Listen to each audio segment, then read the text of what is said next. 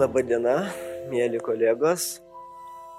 Kalbant apie embriono genetiką ir neuropsichologiją, kyla klausimas, kodėl reikia apie tai kalbėti. Tai puoselėjant pagarbą gyvybei, kuri atrodo savaime suprantama turi būti gerbiama. Kartais moksliniai faktai padeda tiesiog labiau žmogų iki gimimo pamatyti kaip žmogų. Kita vertus, tai, kas jau vyksta su žmogumi iki gimimo, parodo ir dar didesnį stebuklą, kuris yra žmogus. Kai mes pamatom tos procesus nuo genų susijungimo iki atminties prenatalinės formavimosi, tikrai nekyla abejonių net ir galbūt netikinčiam žmogumi, kad čia egzistavo kažkoks tikrai stebuklas ir aukštesnis protas turėjo tai kūruoti. Pradedant pranešimą noriu pasakyti jau kaip ir dogmą, kuri jau neginčiama, kad nuo pat pradėjimo momento suformuojamas yra naujo žmogaus genomas. Tai yra genetinės informacijos rinkinys, kuris turi visą programą. Nuo pat pirmos lastelės - akių spalva, plaukų spalva, ūgis, charakterio ypatumai ir su kai kuriuom išimtim netgi gyvenimo trukmė. Chromosomų galuose telomeruose yra užkoduota. Po to gyvenimo eigoje žmogus gali kažkiek reguliuoti tą dalyką, bet jau bazinė kryptis yra. Tai yra eskizas jau yra. Žmogui tik reikia nuspalvinti tą spalvinimo knygutę. Jeigu mes pažiūrėsim, kur yra genai, tai yra brandolyje 19 tūkstančių genų ir ten būtent ta informacija ir yra. Dabar, kad tilptų į lastelę visas genomas, tai pirmiausiai DNR susisuka su baltymais ir suformuoja chromosomas, kurias mes matom kaip X formas, kadangi DNR siūlas lasteliai yra 2 metrų ilgio. Kad jis tirptų į lastelės brandolį, kuris yra mikroskopinis, jis turi spiralizuotis. Na ir taip jau lastelės branduly tie 19 tūkstančių genų susisuka ir taip mes matom chromosomų rinkinį. Jeigu jau buvo cituojama ir popiežiaus enciklika, tai tikrai paralelė genetikos ir švento rašto tikrai yra, nes yra net įrašas. Visos tavo dienos buvo įrašytos į gyvenimo knygą prieš tau gimstant. Tai lygiai taip pat galim pasakyti, kad tose chromosomose taip matosi per mikroskopą žiūrint lastelių chromosomos, o taip mes galim pamatyti chromosomos, kurios jau sudėliotos porose. Tai iš tikrųjų juose ir yra ta informacija. Tai pirmoji Išvada, kad iš genetiko pozicijų žmogaus gyvybės pradžia yra nuo DNR funkcionavimo pradžios. DNR pradeda funkcionuoti nuo pat pradėjimo momento. Dabar ar tėvų gyvenimo būdas gali takoti vaiko genetiką ar ne? Faktas, kad gali per mutacijas ir kitus dalykus, tai yra klasika. Bet pasirodo, vien tik per mąstymo būdą tėvų gyvenimo būdas gali takoti vaiko charakterį, psichologiją ir psichinės veikatos lygį. Šitą įrodė epigenetika. Epigenetika tai yra mokslas apie genų reguliaciją, kuris jau prieš dešimt metų įrodė. Nes embriono genai turi įsijungti maždaug antrą, ketvirtą dieną savarankiškai, o iki tol veikia kaip pusė tėvo ir pusė mamos genų rinkinio. O jau ketvirtą, antrą dieną įsijungia savarankiškai. Bet įdomu tai, kad kai įsijungia embriono geno savarankiškai aktyvumas, jau tėvų gyvenimo įtakoj genetiniai pokyčiai išsivalo ir įsijungia unikalūs tai gyvybei būdingi genetinio aktyvumo bruožai. Bet pasirodo vienas iš 20 genų, kuris tėvų gyvenimo eigoj buvo šiek tiek pakitęs, priklausomai nuo jų galbūt mytybos, fizinio aktyvumo, mąstymo, net ir vertybių, vienas iš 20 genų lieka tas pakitęs kitokio aktyvumo ir pas embrioną. Reiškia, žmonių gyvenimo būdas gali įtakoti vaikų sveikatą genų reguliacijos lygyje. Ir čia jau yra klasika, kurią įrodė tiek su žmonėms stebėjimas, tiek eksperimentai gyvūnų modeliuose. Taigi, po apvaisinimo susijungus kiaušialąstės ir spermatozoido genomams jau antrą, ketvirtą maždaug dieną įvyksta embriono genomo aktyvacija ir embrionas jau turi savo genetinius parašus. Genetinis aktyvumas tai kaip genetiniai parašai. Keletą embriono stadijų aptarsim, nes tai iš tikrųjų yra gan įdomus faktai, kad Pirmoji stadija yra diferenciacija ir augimas. Reiškia, dalis genų įsijungia tam tikrose lastelėse, o kiti yra išjungti, o dalis atvirkščiai. Na, pavyzdžiui, raumens lastelė įsijungia raumens genas, kiti miega. Plauko lastelė įsijungia ektodermos genai, kiti miega. Tai vad pavyzdys toksai. Formuojantis rankytėjai, TBX5 genas veikia tik rankoje, o kiti išjungti, o kojytėjai TBX4 ir tai lemia ypatingą būtent formą. Na ir tie procesai pačioj pradžioj remiasi genų reguliacija. Vienas genas aktyvuoja kitą, kitas genas dar kitą ir tai yra tikrai tokie savireguliaciniai mechanizmai. Šalia diferenciacijos ir augimo vienas svarbiausių etapų yra gastruliacija, kuris vyksta pačioj pradžioj, tai yra trečiąją embriogenezės savaitę. Tai yra trys lapeliai ektoderma, mezoderma, endoderma ir iš kiekvieno atitinkamos organų užuomasgos. Pavyzdžiui, iš ektodermos formuosis oda ir nervų sistema. Tai yra tas pats pamatas - oda ir nervų sistema. Iš mezodermos raumenys kaulai, iš endodermos vidaus organai - kasa, kepenys, plaučiai. Kiekvienas embrionas jau turi kažkokį dominuojantį stipresnį lapelį. Jeigu pa žmogų dominuos mezoderma, jis jau gali būti tikrai olimpinis čempionas, turi genetinius bruožus. Ir dabar sporto medicina iš tiesų net ir genetinį komponentą nagrinėja žmonių ir parenka, kurie tikrai turi potencialą žymiai daugiau pasiekti. Reiškia, nuo pat pradžių net tokie dalykai yra žinomi. Ektoderma yra labai unikalus procesas. Trečiąją savaitę lastelės pradeda migruoti. Mokslas jau žino, kad jos pradeda suktis į vamsdelį, bet kas tą valdo? Iki šiol mokslui liko paslaptis. Faktas tik yra žinomas, kad buvo plokštelė kaip e, popieriaus lapas ir jinai susisuka į vamsdelį. Ir tai vyksta nuo 18 iki 29 embriogenezės dienos. O va šitas susisukimas tai yra galvos ir nugaros smegenų pamatas pas vaiką. Jeigu šitoje vietoje vyktų klaida, kažkas paveiktų labai stipriai, tarkim, cheminės medžiagos, radiacija ir virusai, galėtų likti skilutė šitam vamsdelėje, neužsidarius ir tai galėtų būti tam tikrų įdų pradžia. Reiškia, kaip patys pirminiai procesai yra svarbus. Taigi dėl ypatingo etapinio lastelių dalymos intensyvumo organų formavimosi metu embrionas jautrus tam tikrais laikotarpiais. Tai pavyzdžiui, širdutė embriono formuojasi nuo trečios savaitės iki aštuntos ir jeigu kažkas paveiktų būtent tuo laikotarpiu, galėtų būti širdies įda. Bet jeigu, tarkim, kažkoks ar virusas, ar chemikalai paveiktų devintą savaitę, širdis jau suformuota, viskas to net nebūtų kažkokio poveikio. Ir va tai labai genetikoje svarbu yra. Būtent e, įvairių stadijų nustatymas, koks laikotarpis, koks vaistas. Ir įstrigo pacientė, kuri atvyko konsultacijai, kai e, apendicito operaciją atlikinėjo 9 savaitę neštumo, paskui prasidėjo jai nerimas ir jinai abejojo iš vis ar gimdyti jai šitą kūdikį, galbūt paveiks vaisių jau tie e, narkosios medžiagos. Ir mes ilgai diskutavom, nagrinėjom tą schemą, aiškinau, kad jau pirminiai etapai buvo suformuoti, jau po to jau buvo tik tai augimas, o diferenciacija vyksta iki 8 savaitės. Na ir vis tik pacientai pagrindė buvo nerimas dėl to svarstymo reikia embriono išsaugojimo ir jinai pagal faktus nutarė, kad reikia išsaugoti. Ir po to, kai jinai atėjo su vaikučiu pasirodyti, aš supratau, kad vis tik embriono atmintis yra. Nes vaikas atėjęs į polikliniką, jis atėjo į kabinetą, iš karto ant kėdės atėjo, leido apžiūrimas, šipsojosi, nors mama sakė, kad vaikas labai bijo poliklinikų, nes ir kraują imdavo pirmaisiais mėnesiais. Supratau, kad jis pažino vietą, kur buvo daug bendraujama iki gimimo. Ir tikrai matysim ir pagal tyrimus, kad embriono psichologija egzistuoja. Šeštą, septintą savaitę formuojasi somotosensorinė sistema. Nervai pasiekia iš smegenų užuomasgos raumenis ir prasideda judėjimas ir nervai jutiminiai pasiekia taip pat jutiminės zonos. Tai reiškia somatosensorinė. Tai pasirodo, judesys embrionui suteikia atsparumą stresui.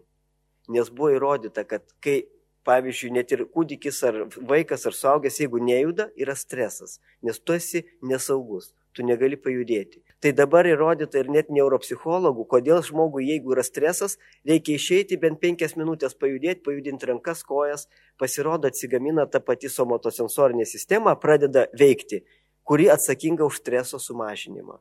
O jinai susiformavo nuo pat embrioninės stadijos. Devinta savaitė jau yra vaisius, visų organų sistemų pagrindas suformuotas, jau reikia jam daugiau ne kokybiškai, o kiekybiškai didėti. Naujausi tyrimai įrodė, kad vaisiaus DNR patenka net į mamos kraujotaką. Tuo remiasi net ir NIP tyrimai, kurie tarp kitko yra saugus dėl to, kad nereikalauja su adata tyrimo ir labai daugelį embrionų, galima sakyti, net išgelbėja, dėl to, kad nereikia invazinių tyrimų. Bet ką sako mokslas, ką tie genai gali daryti, pasirodo, jeigu besilaukianti laukia berniuko, tai berniuko vaisius atsidėkoja mamai už išnešiojimą, sumažindamas jai Alzheimerio lygos riziką ir išlaikydamas šviesų protą. Jau prieš dešimt metų buvo publikuotas tyrimas, kad vyriška Y chromosoma buvo aptikta moterų smegenyse. Ir iš pradžių patologoanatomai galvoja, kad čia klaida įsivėlė, galbūt užteršimas buvo medžiagos genetinės. Po to kartoja ir žiūri, kad taip, bet pas vienas mamas buvo, pas kitas ne. Tai pasirodo būtent vyriško vaisiaus, kurios laukėsi motinos, Y chromosoma lieka smegenyse. Ir tai sukelia mikrochimerizmą netgi. Ir tai saugo nuo kognityvinio susilpnėjimo. Matom, kokios yra naujovės. Nors naujovėm tom jau dešimt metų. Jeigu į embriono smegenis pažiūrėsim, tai nuo 8 savaitės mes galim užrašyti elektroencefalogramą, jau tai buvo debatai ilgi ir vis tik e, iki šiol yra aiški teorema, kad jau galime elektrinės bangas užfiksuoti. Aišku, kiek tai yra susijęs su mąstymu, samoningumu, čia kitas klausimas. Tai yra elektrinės bangos. Bet kad miega vaisius ir iš tikrųjų yra miego būdravimo ritmai, tai jau ir elektrofiziologai aiškiai pasako nuo 16 savaitės. Pasirodo, smegenų asociaciniai ryšiai formuojasi iki gimimo. Anksčiau buvo manoma, kad analizė, suvokimas, priežasties pasiekmės susijimas yra tik po gimimo formuojantis dalykai. Prieš keletą metų buvo publikuoti tyrimai nauji, kad jų samoningumas yra tikrai gerokai anksčiau iki gimimo. Ir netgi buvo iškelta hipotezė, ar vaikas gali sapnuoti. Tu prieš dešimt metų buvo įrodyta, kad gali. Bet kas įdomiausiai, kad jau yra padaryta prielaida, kad vaikas gali sapnuoti išorinį pasaulį dar iki gimimo. Ir tai jis ruošiasi psichologiškai, kad jam būtų mažesnis stresas - matyti vaizdus, girdėti garsus, jaust kvapus. Dabar kaip tai ištyrė? Pirmiausiai netgi su eksperimentais gyvūnų modeliuose, tirdami pelytės, įrodė, kad akies tinklainiai yra toks aktyvumas, kuris būna tik tai matant konkrečius vaizdus. Ir tos pelytės tą aktyvumą tinklainės turėjo tada, kai jos mėgojo ir tada įtarė, kad būtent jau vyksta sapnas išornio pasaulio. Nes kai pelyčių vaisiai nemiegojo, tokio aktyvumo nebuvo. Reiškia, tiesiog jos matė, kas yra pilve. O kai miegojo, aktyvumas buvo tas, kuris būdingas tik po gimimo gimusiam pelytėm. Tai įsivaizduokim, ką tai reiškia. Tai reiškia, kad projekcija jau yra į ateitį dar iki gimimo. Ir nenostabu, net iš žmogaus žvelgiant vaisių mes galime matyti jo emocijas, verksmą, šypseną, netgi šypseną galime matyti iki gimimo. Dėl to, kalbant apie embriono apsaugą, tikrai bet kuriam žmogui pasakius, tai yra embrionas, net vaikam parodžius, vad, 12 savaičių vaisių. Visi sako, lėliukas, mažytis, lelė, dar kažką, visiems aišku. Tai labai svarbu, kad tas būtų aišku nuo, kaip sakoma, santechniko iki prezidento. Dabar apsauga embrionų yra ne tik, kad išsaugot gyvybę, bet išsaugot sveiką gyvybę. Ir dabar keletą žodžių apie stresą, nes tenka neuropsichologijos rytį nemažai dirbti. Tai pasirodo, kad vaisiaus stresas yra smegenys jautresnės stresui vaisiaus negu po gimimo vaiko. Dėl to, kad vaisiaus smegenys į kortizolį reaguoja per teigiamą grįžtamą į ryšį. Kuo daugiau kortizolio streso medžiagos, tuo labiau jisai užsikūrė gamintis. Jau po gimimo yra apsauginis mechanizmas, kai yra kortizolis, yra neigiamas grįžtamasis ryšys. Jau blokuoja jo gamybą ir sako, jau gana. Pas vaisių dar to mechanizmo savireguliacinio nėra. Ir dėl to Va tai, kad genai geri, tai yra vienas dalykas. Lygiai taip pat, jeigu medžią mes pažiūrėsim, va auga ažalas, pasodinam gilę, puikiai, puikus genai, išauga tikrai puikus ažalas. Bet jeigu net ir genai geri, bet jeigu bus aplinka labai vėjuota, atšiauri, vėjas, nepriežiūra, pažiūrėkim, koks bus medis. Tai lygiai tą patį mes matom ir su žmonėm. Pasirodo, iki gimimo stresas sąlygojo insulino augimo faktoriaus antro geno mažesnį aktyvumą. Tai rodo, kad net genetiniai įspaudai kartais lieka, jeigu patiriamas yra ypatingas stresas. Ypatingas turi galvoj skirybos, darbo netekimas, avarija, tsunamis, priklausomai nuo šalies, kokie buvo tyrimai daromi. Taigi, pasirodo, kad motinos stresas iki gimimo gali programuoti vaiko gyvenimo trukmę pagal telomerų ilgį. Ir pažiūrėkim, ką parodė tyrimai. Pasirodo, buvo tyriama telomerų struktūra pas moteris ir analizuojamas streso lygis iki gimimo, pirmą trimestrą, antrą, trečią ir po gimimo pirmosius tris mėnesius. Tai pirmą vietą telomerų sutrumpėjimui per vidurį matom yra 0,16. Trečiam trimestre patirtas stresas statistiškai reikšmingai siejasi su trumpesniais telomerais. Jeigu buvo iki gimimo arba po gimimo, vaikui tai netiek įtakoja, nes vaikui buvo tyriami telomerai 3-4 metų amžiuje. Dėl to visi šitie laikotarpiai galėjo įtakoti. Taigi trečias trimestras yra pats svarbiausias vaiko telomerų programavimui. Dabar faktai, faktai, visi žino, kad streso reikia vengti, bet kokia intervencija. Labai įdomus buvo tyrimai publikuoti vat, visai neseniai, prieš mėnesį, galima sakyti, prieš porą mėnesių, kad pasirodo, jeigu yra įjungiamas psichologinio reguliavimo technikos, pavyzdžiui, dėmesingas įsisamoninimas, atsipalaidavimas, tai turėjo labai didelę įtaką streso reguliavimui. Reiškia, kažką daryti ir jau bus rezultatai. Pavyzdžiui, vienas tyrimas panagrinėjo, kai moteris nieko nedarė, Antra grupė - viduržėmio dieta, trečia grupė - dėmesingas įsisamonimas. Ką darė mytybos grupė? Aišku, čia buvo Ispanijoje tyrimas, jie gavo, kiekviena neščioji gavo 2 litrus alyvogio aliejaus mėnesiui, 15 gramų graikinių riešutų dienai, dietologo programa buvo, vaisiai daržovės sudarytas programa tikrai labai sveikos mytybos. Mindfulness grupė buvo 2,5 valandos per savaitę užsiemimą išskaidyti ir viena diena buvo bendra E, visa nešiųjų grupė kartu. Tai pasirodo, ta apatinė skalė. Apatinė skalė tai yra kontrolinė grupė, kurie nieko nedarė ypatingo. Ten rodo, kad buvo mažo svorio naujagimių, kurie tikrai buvo mažiau negu 10 procentilė. Tai buvo mažiau negu 2 kg. Toj grupiai, kur buvo dieta gera ir kur buvo streso valdymas, ten praktiškai nebuvo ypač mažo svorio naujagimių nebuvo prieš laikinio gimdymo tokios rizikos. Matom, kaip per streso mažinimą gerėja vaiko sveikata. Ir aišku, vaikystės prenatalinės patirtis veikia skirtingą reakciją į įvykius. Kodėl mes turim, pavyzdžiui, hiperaktyvius vaikus, kondukcinį sutrikimą, delikventinį elgesio. Dabar neuropsichologija sako, 80 procentų pamato susiformuoja iki gimimo. Ir po to tik mes matom jau pasiekmes. Ir sako, kodėl vaikas neklauso, neramus. Pradžia buvo per tuos ypatingai paskutinius keturis mėnesius. Ir dėl to po to, kai vaikas, tarkim, vienas mokykloje labai jautrus, vienas pažiūri ten kokį siaubo filmą, jisai naktį nemiega, o kitas gali ir eiti nemiegoti ir tenais parūkyti ir kažkokį stresą patirti ir jam nieko. Pasirodo, atsparumas yra skirtingas. Ir tas atsparumas ir yra kaip amortizacinės pagalbės, kurios susiformuoja iki gimimo, nu ir žinoma per pirmus tuos metus po gimimo. Apibendrinant noriu pasakyti, kad vaiko apsaugą reikia traktuoti ir nuo to laiko, kai mes matom vainiką ir nuo to laiko, kai mes matom šaknis. Nes tik tai psichologinė ir genetinė apsauga gali sąlygoti tą pilnatvę ir tikrąją apsaugą. Ir visai pabaigai noriu pasakyti, kad jau kvantinė genetika įrodo žmogaus ir dvasios mokslinį pagrindimą. Nes jau įrodyta, kad mūsų smegenys yra ne tik smegenų masė, bet yra kvantiniai procesai.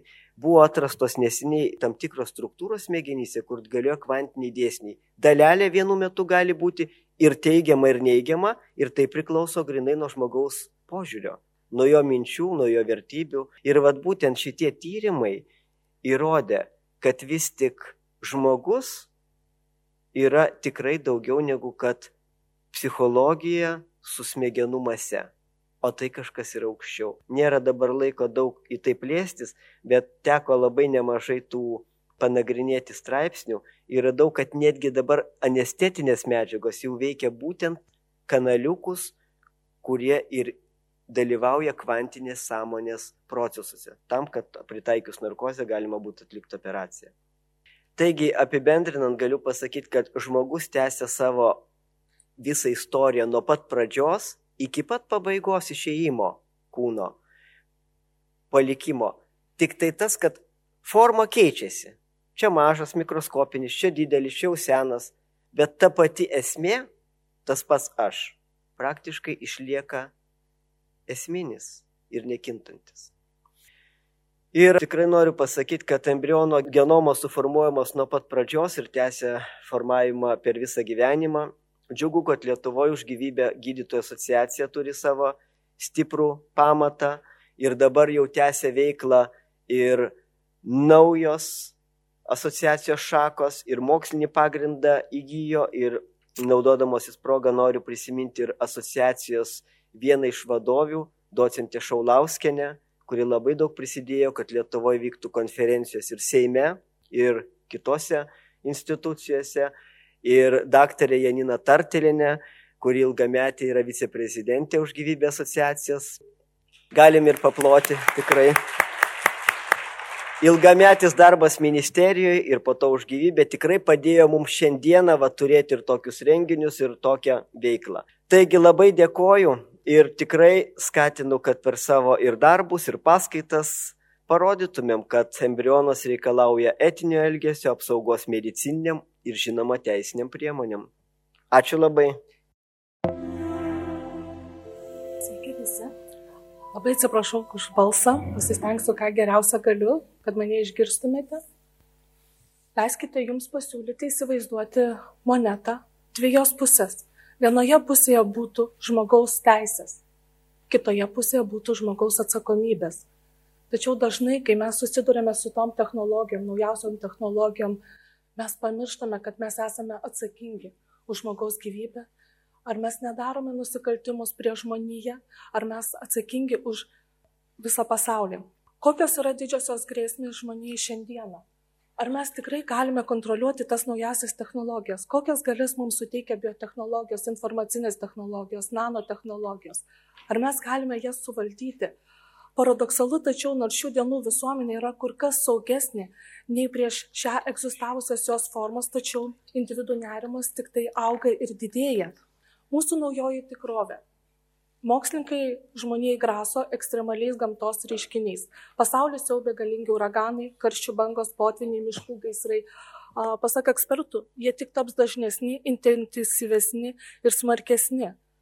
Paukščių gripo protrukis Azijoje, tsunamis Japonijoje, liūtis nuolat kankina Bangladešą, Nepalą, Indiją, Marija Puerto Rike, piktoji Laura, Irma Karibose, Floridoje, Harvey, Teksase, tai sausros gaisrai Kalifornijoje, Australijoje, Graikijoje, Portugalijoje. Pasaulyje bus dar ekstremalesnių meteorologinių reiškinių. Tačiau šie įvykiai, jie vyksta skirtingose pasaulio kraštuose, bet individo sąmonėje suformuoja rizikos jausmą. Kalbėdami apie rizikos suvokimą, risk perception. Jeigu žmogaus klausia, ar tu bijai nukristi, nesako, aš nebijau, aš atsargus, tai ar jis suvokia riziką? Mes, kai darome tyrimus risk perception, mes žiūrime, kaip ta rizika yra sustiprinama, kaip ją galima sumažinti, ar įmanoma ją valdyti. Nes skirtingi žmonės tą pačią riziką suvokia skirtingai. Vieni bijo labiau skristi lėktuvu, kiti labiau bijos važiuoti automobiliu. Kokiu riziku yra bijoma labiau? Tai tyrimai rodo, kad vis dėlto mes labiau bijome tų naujųjų rizikų, su kuriuom mums dar neteko susidurti, tos, kurios yra tiesiogiai susijusios su mirtimi apie kurias mes turime mažai informacijos. Dažnai riziką šiandien 20 amžiaus pabaigoje mes pradedam sieti su neapibrieštumu. Jeigu anksčiau, ankstesnėse visuomenėse, pavyzdžiui, senovės Kinija, Roma, apskritai rizikos savokos tokios kaip ir nebuvo, tai buvo dievų bausmė, fortuna tau nepasisekė, toks tavo likimas. Viduramžiais apskritai rizika buvo siejama su gamtos kataklizmais, epidemijos, potviniai, nepriteklius, skurdas. Tačiau XIX amžiuje imta kalbėti, kad rizikas galima apskaičiuoti, jas galima valdyti bet buvo žiūrima, kad rizikos gali būti ir geros, ir blogos. Tai reiškia, yra ir praradimai, bet yra tam tikri laimėjimai. Bet 20 amžiaus pabaiga, 21 amžius mes kalbame apie riziką tik kaip apie pavojų, tai kelia mums nerima.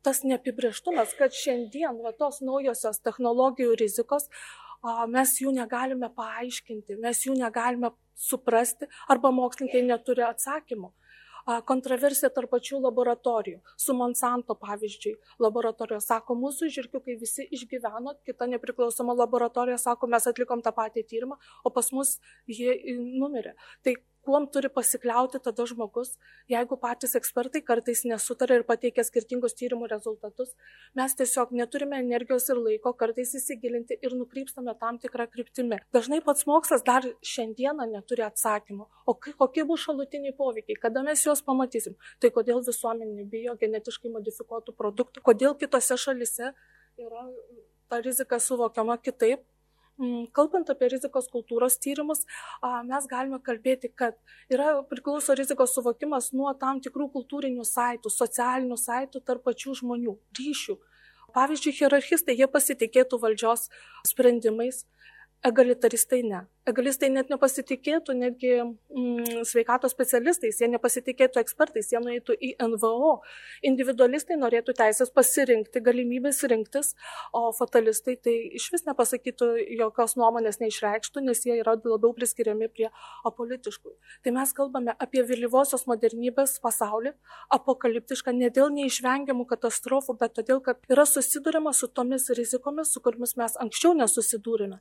Socialinis gyvenimas net tapo rizikingesnis nei buvo anksčiau. Tiesiog mes ateiname į kitą laikmetį. Mes dažnai kalbam, ar tai yra antroji modernybė, ar tai yra bendrandžioji modernybė, refleksyvioji, kai staiga imame savo technologijas, savo kūrinius, mokslo produktą, imame kvestionuoti, kur tai nuves, ką mes darome ir kaip, ar mes tai sugebėsime tą riziką valdyti. Antonai Gidensas mums pasiūlo technogeninių rizikų savoką, tai yra mūsų žinių bei technologijų poveikis gamtai arba žmogaus sveikatai. Tai yra išorinės rizikos, tai rizikos, kurių priežastis nesame mes, tai yra susijęs su gamtos dėsniais.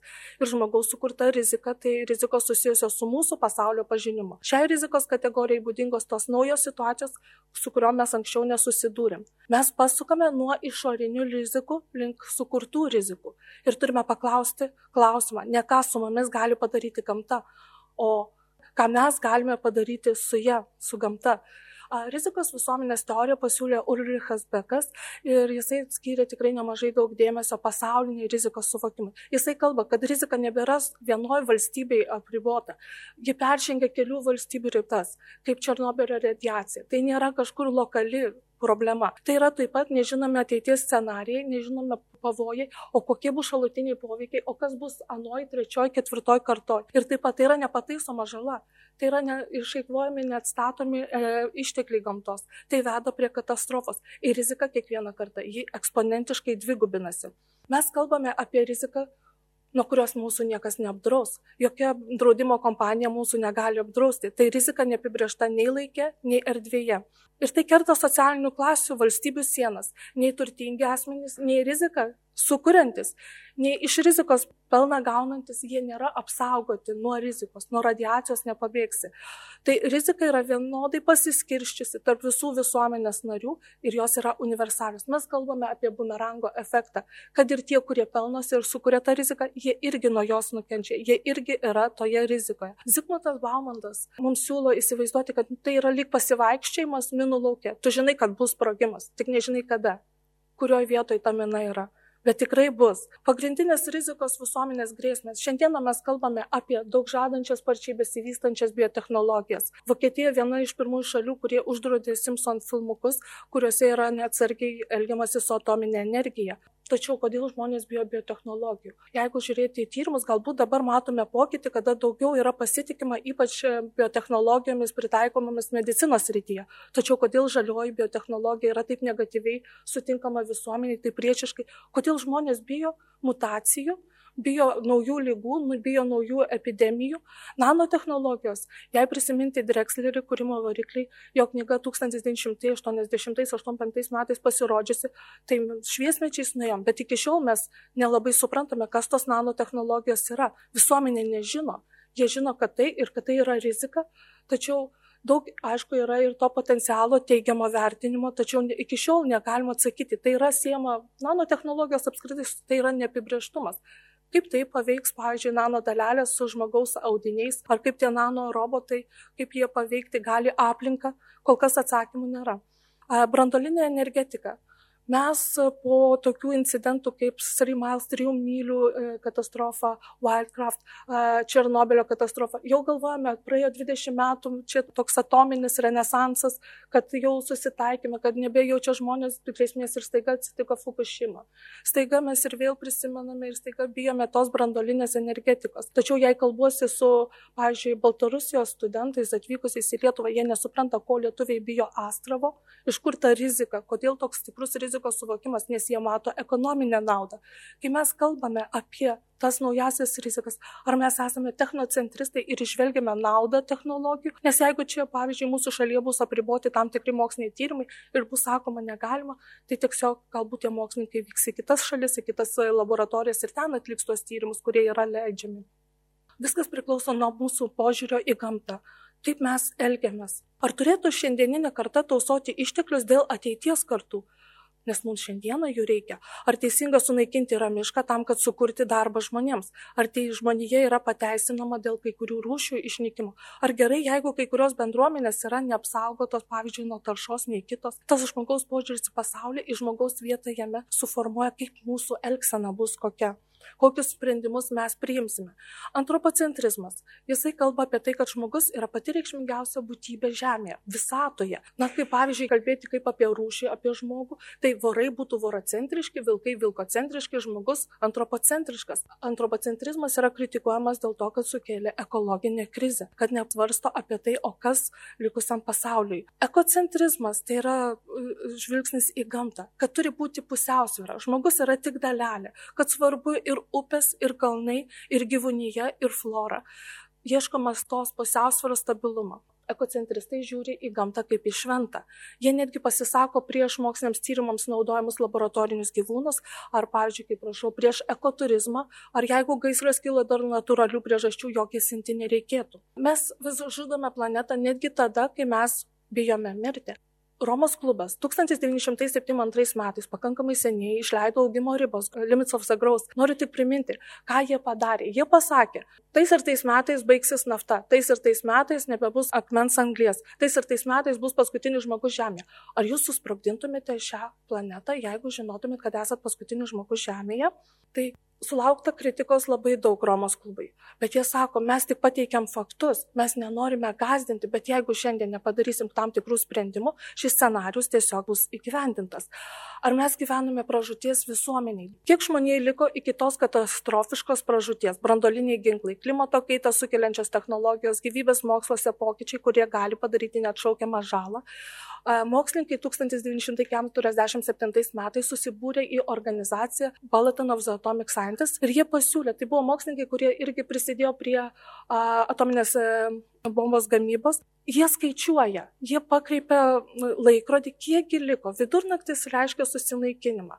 Dabar šiuo metu sausio mėnesį turėtų būti nauji duomenys. Tai kiekgi liko iki tos katastrofos. Menininkas, tai, kuris sukūrė tą laikrodį, pasiūlė tiesiog 7 minučių limitą ir nuo to laiko mokslininkai ir sviruoja. Tai šaltasis karas baigėsi, rodiklė nukrypo žemyn, po Fukushimos aukštyn, Irano, Pakistano, Indijos ten nesutarimai vėl tą rodiklę šokinėja.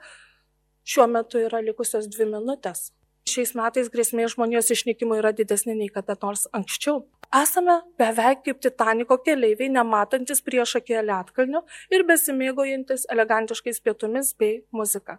Kalba mokslininkai iš, iš the Atomic Scientist. Tai ateities technologijos. Tai tokios technologijos kaip biotehnologijos atveria Pandoros skrynę, sugriauna nusistovėjusius saugumo pagrindus. Duomenys iš mano interviu, kalbant su biotehnologijos laboratorijos ekspertais, jie sako, mes žinome genus, Mes viską turime, bet mes dar nežinome, o kas gali būti, kai tam tikrus genus sukeisime vietomis, kas bus ateityje, dar iki šiol negalim atsakyti. Tai skurdas yra hierarchiškas, smogas demokratiškas, klasinė visuomenė, vieni laimi, kiti pralaimi. Rizikos visuomeniai, kaip ir kaip graudu, mes visi esame pralaimėtojai. Rizikos visuomenė tai tos transformacijos šiandieniniai visuomeniai, kai visuomenės gaminamos technologijos ir su jomis susiję pavojai, jie ima kenkti pačios visuomenės saugumui ir jį panaikina. Tada mes įžengiame į šią rizikos visuomenę. Mes stengiamės pabėgti nuo rizikų, mes tengiamės išvengti. Ir tai tampa kiekvieno individuo rūpešiu. Mes nepasitikime institucijomis, kad jos galės suvaldyti tas rizikas. Tai tampa kiekvieno individuo. Mes pradedam kalbėti apie subpolitiką, kada visiems mums rūpi politikos klausimai, mes negalime pasislėpti, negalime atsitraukti. Tai yra refleksyviai permastome tas technologijos um, laimėjimus ir mes naujai sukūrėm tokį egzistencinę saugumo prasme. Mes galim kalbėti, kad galbūt mes iki šiol esam tokie tokioj dvigubos rizikos visuomeniai. Tas nesaugumas, neapibrieštumas. Mes dar nesam modernios visuomenės problemų išsprendę atlyginimų, kitų socialinių nusikaltimų dar ne, neturime atsakymų, o čia staiga mūsų užgriūva tos naujosios rizikos, kuriuom mes nesam pasiruošę. Darnaus vystimosi teorija, kad ir kokia graži būtų ir kaip gerai kalbėtų, ji vis dėlto yra antropocentrinė. Ji iškelia žmogų į dėmesio centrą ir čia žmonių, o ne gyvūnų ar ekosistemų poreikiai yra iškeliami į pirmą vietą ir pabrėžiama, kad dabar gyvenantys žmonės turi rūpintis ne tik savo, bet ir ateities kartų poreikiais visada yra atsižvelgiama į tai, kad laikytis precautionary principų. Kol dar neįrodyta, kad tai tikrai yra saugu, kad mes negalime vartoti. Kodėl amerikiečiai nesupranta ES, kodėl yra uždraudžiama genetiškai modifikuotus produktus įvežti į ES, kodėl mes tokie išsigandę tų technologijų. Atsargumo principas. Kol aš nežinau, kad tai nepakenks, kol kas mes to atsisakome ir neleidžiame. Ekocidas, bet kokia ekstensyvi žala padaryta natūraliam gamtovaizdžiui arba jo sunaikinimui, ekosistemos ardymas, praradimas, kai iškyla pavojus grėsmė. Šiandieną daug yra kalbama apie ekocidą, yra norima netgi jį įteisinti kaip tarptautinį nusikaltimą žmonijai, bet tada kiekvienas mūsų tampame kaip ir atsakingas už tai. Susilaukia ir kritikos, kad galbūt nereikėtų lyginti ekocido ir genocido, bet tai taip pat yra pavojus gyvybei. Galbūt namus galima atstatyti atstatyti po karo, bet neišsaugosim prarastų gyvybių, sveikatos neatstatysime. Šiuolaikinio pasaulio krizės indikatoriai - tai naujos technologijos, kurios veda prie katastrofos, tai dar nežinomi ateities pavojai, eksponentinis rizikos augimas, apokaliptinė grėsmė. Karo ekspertas Robertas Latifas jisai rašo, kad visuomenė tapo kaip ir, na, pasaulis tapo greitpuodžiu. Mes turime visus ingredientus pasauliniam konfliktui įvykti. Tai ir dirbtinio intelekto sistemos, eksperimentai su patogenais ir viršgarsiniai ginklai. Mokslininkai kartoja Gretos Thunberg žodžius. Kaip jūs drįstate? Nes vis mažiau laiko yra pasukti tą Doomsday Society pražuties laikrodžio rodiklę. Anot mokslininkų virties dar yra numalšinti tą brandolinę įtampą, sulėtinti klimato kaitą, jeigu tik pasaulio lyderiai veiktų kartu. Apokaliptinė analizė paralyžiuoja žmonės ir skatina neveiksnumą, sako Jerry Brownas, vienas iš Balaton of the Atomic Scientist lyderių. Jisai kalba, jeigu sakai žmogui tiesą, jie nenori klausytis, nes Tai yra per baisu ir jie tada žiūri tą mokslininką kaip į kokį pamišėlį ir jis sako, kad mes tiesiog dabar žaidžiame kaip nu, rusišką ruletę su žmonėje. Tikslas nėra kelti paniką, tikslas yra pasakyti, kad mes tokiais dalykais nejuokaujame. Ekologizmo idėja teigia, kad žmogus nebeturi gyventi taip, lyg užimtų tą šeimininko dominuojančiojo poziciją, kuriam priklauso visa gamta. Tikslas išsaugoti gamtą, žmogų, aplinką nuo degradacijos išnykimo. Apibendrinant noriu pasakyti, kad rizikos visuomenė jie siūlo permastyti tą globalų rizikos poveikį, pasaulyje žiūrų kaitą, vertybių krizę ir elgseną krizių akivaizdoje. Kurkime saugesnį pasaulį. Ačiū Jums labai.